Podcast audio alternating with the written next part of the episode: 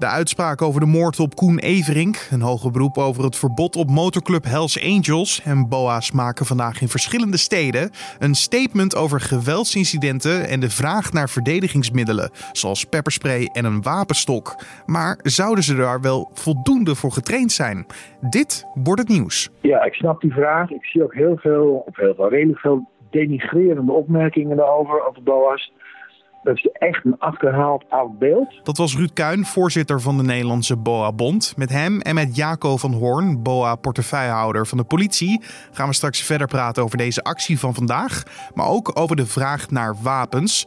Maar eerst kijken we kort naar het belangrijkste nieuws van nu. En mijn naam is Carne van der Brink en het is vandaag dinsdag 26 mei.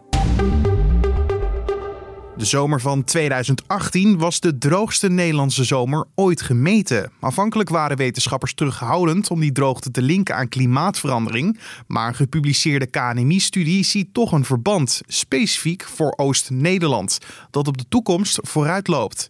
Over die toekomst zijn klimaatmodellen behoorlijk helder. In onze winters krijgen we meer westenwind en meer regen, terwijl Nederland in de zomers juist vaker te maken zal krijgen met droogte. Die toekomstige droogte hebben twee oorzaken. Toegenomen verdamping als direct gevolg van oplopende temperaturen en waarschijnlijk ook langere aaneengesloten perioden zonder neerslag. Dat zal het gevolg zijn van een toename van zomerse hoge drukgebieden boven de Noordzee. Ruim 1 op de 10 Nederlanders heeft zijn inkomen zien dalen sinds de uitbraak van de coronapandemie. De klappen vallen vooral bij laagbetaalde flexwerkers en ZZP'ers. Ongeveer twee derde van hen heeft de afgelopen maanden minder verdiend. Dat blijkt uit een peiling van het platform Wijzer in Geldzaken. Van de mensen die hun inkomen hebben zien terugvallen, heeft bijna de helft de afgelopen tijd spaargeld gebruikt om de rekeningen te kunnen betalen. Een derde zegt de huidige situatie niet langer dan drie maanden te kunnen volhouden zonder nog verder in de financiële problemen te komen.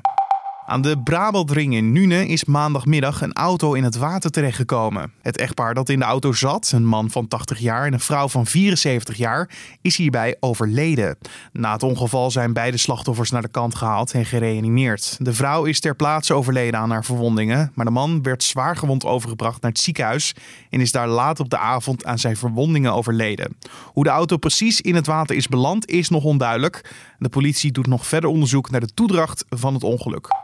En duizenden winkels in het Verenigd Koninkrijk mogen in juni hun deuren weer openen. Zo maakte de Britse premier Boris Johnson bekend tijdens een persconferentie. Vanaf 1 juni mogen buitenmarkten en autodealers als eerste weer open, mits ze voldoen aan de richtlijnen die door de Britse regering zijn opgesteld. Vanaf 15 juni mogen ook andere niet-essentiële winkels weer klanten toelaten als ze zich aan de maatregelen houden. Johnson noemde daarbij specifieke winkelstraten, warenhuizen en winkelcentra's. Dan het gesprek van vandaag. Dat is dat buitengewoon opsporingsambtenaren vandaag in verschillende steden in actie komen met een protest tegen geweldsincidenten. Maar ook om de vraag om wapens, zoals pepperspray en een wapenstok, nogmaals te herhalen. Een aanleiding is bijvoorbeeld het incident op Hemelvaartsdag op het strand bij IJmuiden. Daar werden namelijk boa's aangevallen door een groep jongeren, waardoor ook een boa naar het ziekenhuis moest met gezichtsletsel. Voor de BOA-vakbonden is dit weer een voorbeeld om te vragen naar middelen om zichzelf te beschermen. We gaan hierover in gesprek met Ruud Kuin, voorzitter van de Nederlandse BOA-bond. Want hoe gaan de protesten vandaag er precies uitzien? Uh, nou, er zullen vandaag in een achttal steden korte protestbijeenkomsten plaatsvinden met BOA's. Het protest tegen het geweld wat in uh, een muidenlaats plaatsvond tegen BOA's. En in een twintigtal andere plaatsen op hetzelfde tijdstip zullen BOA's hun eh, steun uitspreken voor deze actie. En op welke manier moet ik dat voor me zien? Is dat, want je kan natuurlijk niet met een grote groep samenkomen door de coronacrisis. Nee, het is coronaproof. En op acht plaatsen in ieder geval uh, gaan we korte bijeenkomsten houden. Coronaproof wil zeggen maximaal 30 BOA's, anderhalf meter afstand. Uh, het moet niet te lang duren. Als het publiek komt, men, mensen mogen kijken, maar moeten ook afstand houden. Er zullen BOA's op letten. Dus we we moeten dat natuurlijk heel netjes doen als handhavers. Dit, dit zal ook wel netjes gebeuren. Het is geen samenkomst, het is geen evenement. Betogingen zijn daarvan uitgezonderd. Dus het is formeel een betoging. Want het draait allemaal om de geweldincidenten tegenover de BOA's. Bijvoorbeeld op eerste paasdag, twaalf handhavers werden belaagd in Rotterdam. Maar ook op Hemelvaartsdag is het fout gegaan op het strand van IJmuiden. En reden dat jullie vandaag natuurlijk gaan protesteren. En ook naar de vraag om uh, bewapening. Maar neemt volgens jullie de agressie uh, tegen de BOA's aanzienlijk toe? Ja, die neemt zeker toe. Heel veel BOA's uh, benoemen het zo. Wat we nu in de coronaperiode meemaken is bijna evenveel als we in een heel jaar meemaken. En een heel jaar is dat al aanzienlijk. Dat stijgt jaarlijks met 20% En dan moet je bedenken dat ze nu in de coronatijd dat meemaken wat ze normaal in een jaar meemaken. En het is denk ik ook wel redelijk voorspelbaar als je bedenkt dat um, de coronatijd uh, de boetes fors hoger zijn en ze hebben per definitie met groepen te maken. En dat zijn wel echt risicoverhogende factoren die uh, ja, inderdaad tot veel meer agressie leiden. En daarom vragen jullie ook om beschermingsmiddelen, wapens zoals pepperspray of een wapenstok als uh, standaard uitrusting. Um, ja, dat eigenlijk die vraag die speelt al langer. Bijvoorbeeld vorige maand hebben wij het ook al in deze podcast met elkaar besproken. En ik hoor eigenlijk dat het onderzoek hiernaar, uh, de mogelijkheid hiervoor, nog steeds op tafel ligt. Klopt dat? Ja, we hebben vorig jaar acties gevoerd. En dat heeft geleid tot een afspraak met uh, Mr. Grapperhaus. Waarin uh, staat in die afspraak dat er pilots gaan komen. Waarin staat dat er een nieuwe landelijke regeling gaat komen. Waarin wordt opgenomen dat BOA's kunnen worden uitgerust met geweldsmiddelen. Uh, met een op de verdediging gerichte instructie. Nou, met dat soort algemene uitgangspunten zijn we aan de slag gegaan. En ik heb redelijk lang wel aan onze leden uitgelegd: heb even geduld, heb even begrip. Uh, we zijn op de goede weg, maar uh, ondertussen heb ik zoiets. We zijn beland in de bureaucratie, we zijn beland in geouwe hoer. En uh, ja, in mijn analyse, de politietop blokkeert de weg die we aan het bewandelen zijn. Willens en wetens, en ja, dat vind ik onacceptabel.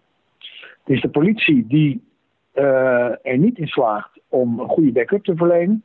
Nou prima, dan moet je wel zorgen dat mensen in ieder geval die dit werk doen, middelen bij zich hebben om zichzelf te verdedigen. Want waarom denken jullie dat het dan nu zo traag verloopt volgens jullie? Nou, dat zit in het principe dat ze strikt van mening zijn dat het geweldsmonopolie van de staat exclusief bij de politie zou liggen. Nou, dat is echt, echt kul. Het geweldsmonopolie ligt bij de overheid en de overheid heeft dat toebedeeld aan politie, defensie, maar ook aan de BOA's. Er zijn regels waarin is opgenomen dat BOA's kunnen worden uitgerust met geweldsmiddelen. Dus dat is geen argument. Eh, het tweede wat meespeelt is dat ze. Er is nu net de nationale politie gekomen. Dat ze bang zijn voor een ontwikkeling die gaat naar gemeentepolitie. Nou, ik zou ook echt die discussie los willen koppelen van, het, uh, van de uitrusting van BOA's. Dat lijkt me geen uh, valide argument. En ten derde het strategische argument wat bij de politie speelt. Ze vinden dat er meer agenten moeten komen.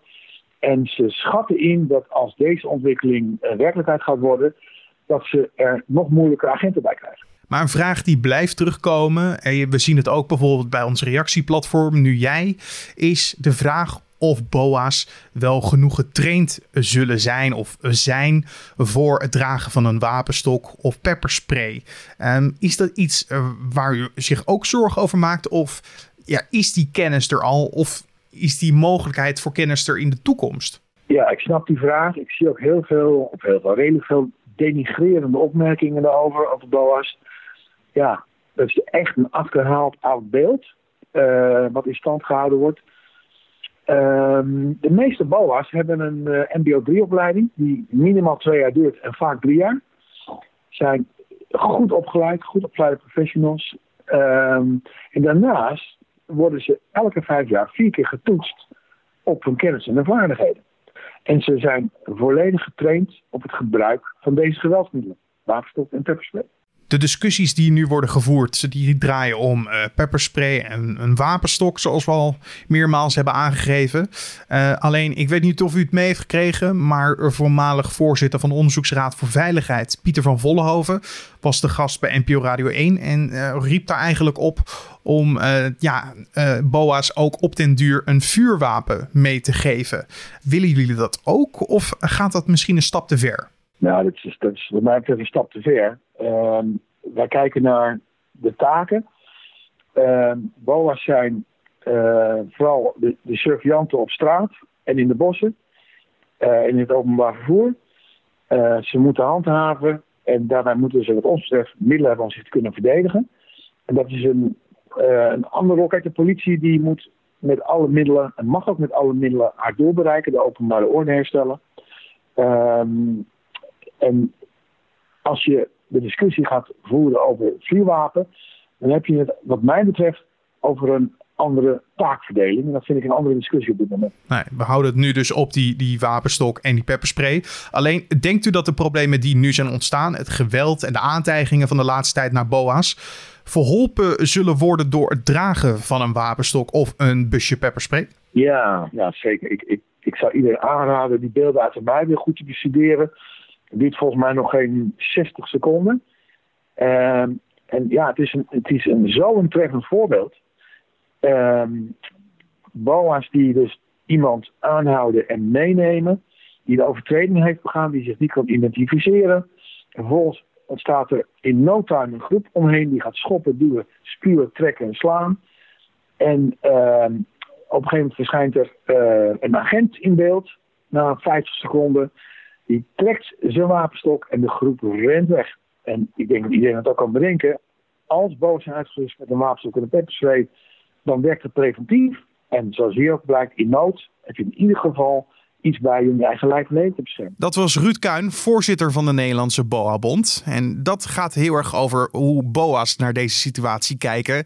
En ook ja, de oproep om wapens en meer aandacht naar dit soort incidenten. Maar hoe kijken hun directe collega's op straat naar deze ontwikkeling en de vraag naar wapens, de politie? Dat vroeg ik aan Jaco van Hoorn, BOA-portefeuillehouder van de politie. Nou ja, kijk, vanuit veiligheidsoogpunt begrijp ik dat de vraag gesteld wordt. Uh, want de veiligheid van BOA's is ook voor ons een heel belangrijk gegeven. En uh, wij waren al enige tijd, ook voor de coronatijd, met uh, politiebonden eh, en de BOA-bonden in de eerste plaats in gesprek. samen met, met het ministerie. om te kijken wat hier de mogelijkheden zijn. En die gesprekken die lopen al een tijdje, die zijn nog steeds gaande. binnenkort is er weer zo'n gesprek. Um, en in die gesprekken hebben we ook met, een met, met elkaar een aantal uh, uitgangspunten afgesproken. En uh, het belangrijkste uitgangspunt is dat we uh, de veiligheid van BOA's moeten vergroten. Um, maar het aantal dingen wat we daarin willen doen gaat wel verder dan alleen maar de vraag of daar wapenstok en pepperspray voor nodig is. Moet ik het dan voor me zien dat jullie nog druk bezig zijn met een lopend onderzoek naar de vraag van, van de BOA's en de bonden? Ja, kijk, de situatie is zo dat uh, nu BOA-regels zijn. Uh, en die BOA-regels bieden in uh, beperkte situaties de mogelijkheid om al iets van bewapening te doen. Um, de BOA-bonden vragen of dat die regels tegen het licht gehouden kunnen worden. dat kan, alleen je moet het dan, en ik vind dat ook verstandig, niet alleen over dit vraagstuk hebben, maar je moet dat in de totaliteit bekijken van de manier en de wijze waarop um, BOA's opereren. Dus het gaat om de vraag, uh, wat doen ze? Het gaat om de vraag, dat is ook een hele belangrijke vraag, hoe is de samenwerking met de politie? We zien dat uh, daar waar die samenwerking heel goed is, um, we toch minder signalen krijgen van dit soort problematieken. Um, en het gaat uh, over de vraag, waar rust je BOA's mee uit? En dat gaat ook weer meer dan alleen over wapens. Het gaat bijvoorbeeld ook over uh, veiligheidsvesten, bodycam, um, nou ja, andere dingen die ook behulpzaam kunnen zijn om de veiligheid te vergroten. En de aansluiting op C2000, zodat ook snel hulp gevraagd kan worden als er toch een risicovolle situatie ontstaat. Dit, zeg maar, deze drie elementen die spelen allemaal een rol uh, in de vraag hoe dat we het risico op geweld voor BOA's zoveel mogelijk kunnen voorkomen. Maar door incidenten zoals in Rotterdam of bij het strand van IJmuiden uh, wordt de vraag naar bewapening voor BOA's luider. Uh, ja, door BOA's zelf, maar ook door de bonden. Maar is die vraag en die oproep vanuit hun te vroeg in het proces wat nu loopt? Of is het gewoon een heel stroperig geheel, dat onderzoek? Ik begrijp de urgentie die zij voelen.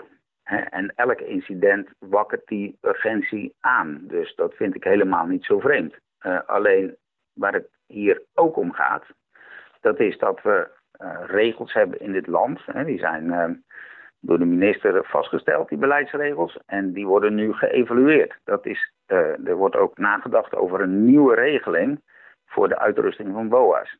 Dat zijn in ons land geen eenvoudige processen. Daar gaat altijd tijd overheen. En uh, nou ja, de, de, de tijd die dat kost, um, dat is in de ogen van de BOA-bonden en misschien ook wel van veel BOA's te veel tijd. Um, maar het is tegelijkertijd zo dat dit proces wel aan de gang is. En dat we daar wel steeds over met elkaar in gesprek zijn. En dat vanuit het ministerie er ook gewerkt wordt aan zo'n regeling om die, ja, om, om die um, middelen die dan voor BOA's um, uh, mogelijk zijn, om, om die regeling te maken. Maar spelen andere vragen of facetten nog een rol in dit proces? Zoals ja, kunnen ze wel de juiste training krijgen en is die mogelijkheid er genoeg? Nou, kijk, die middelen, ik zei het al, dat zijn middelen die um, uh, bijvoorbeeld bodycam of uh, veiligheidsvest Ehm, eh, kijk, die zijn uh, onschuldiger natuurlijk. Uh, op het moment dat je het over geweldsmiddelen gaat hebben, dan, ehm, dan heb je het over geen kleine dingen.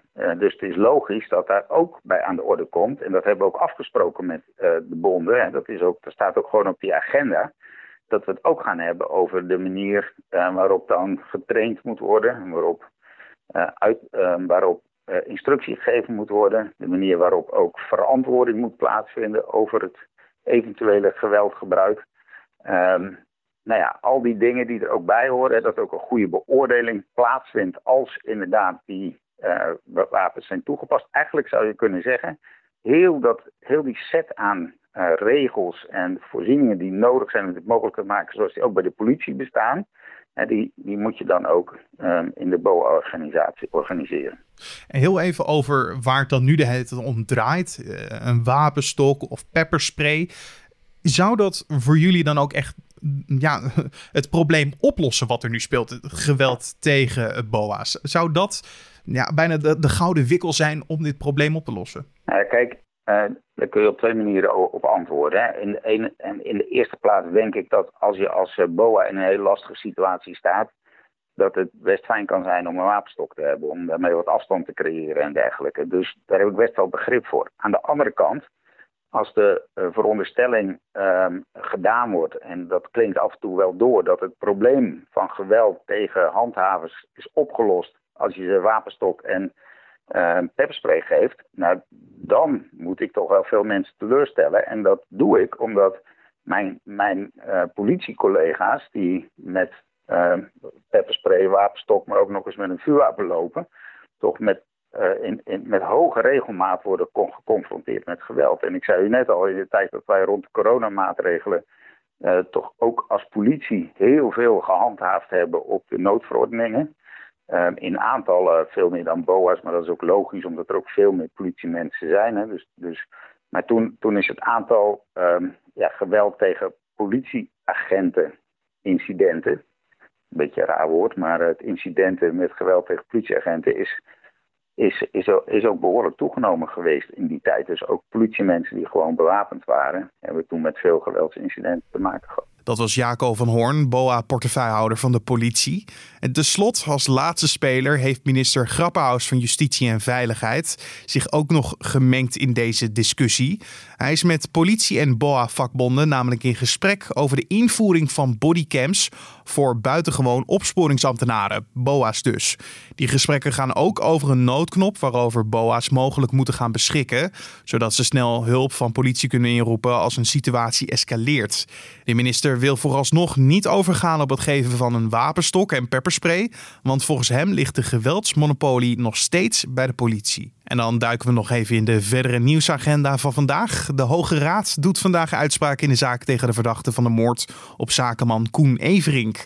Een vriend van hem, tennisleraar Mark de J, heeft hem in 2016 met meer dan 20 messteken om het leven gebracht toen Everink thuis was.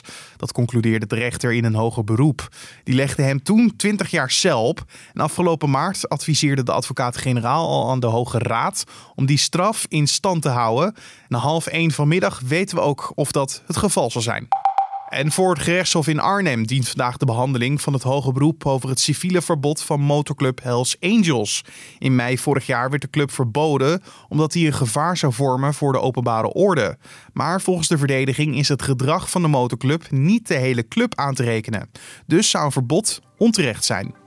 En dan het weer. In de ochtend kan er nog lokaal een mistbank ontstaan. Later op de ochtend klaart het op en breekt de zon uitbundig door. Ook neemt de wind af, waardoor temperaturen stijgen naar tussen de 21 en 25 graden. En ook de rest van de week blijft het zonnig en warm. En dit was dan de Dit Wordt Het Nieuws podcast voor deze dinsdagochtend 26 mei. De podcast kan je vinden op de voorpagina van nu.nl en in je favoriete podcast app, Spotify, Apple Podcast of Google Podcast. En wij publiceren elke dag twee podcasts in de ochtend en in de middag. En je kan ons altijd helpen met feedback. Wat vind je goed aan de podcast en wat zou je veranderd uh, willen zien? Laat het ons weten via ons mailadres podcast.nu.nl. En je kan ook een recensie achterlaten in Apple Podcast. Mijn naam is Carne van der Brink. Ik wens je een hele fijne dag en tot snel.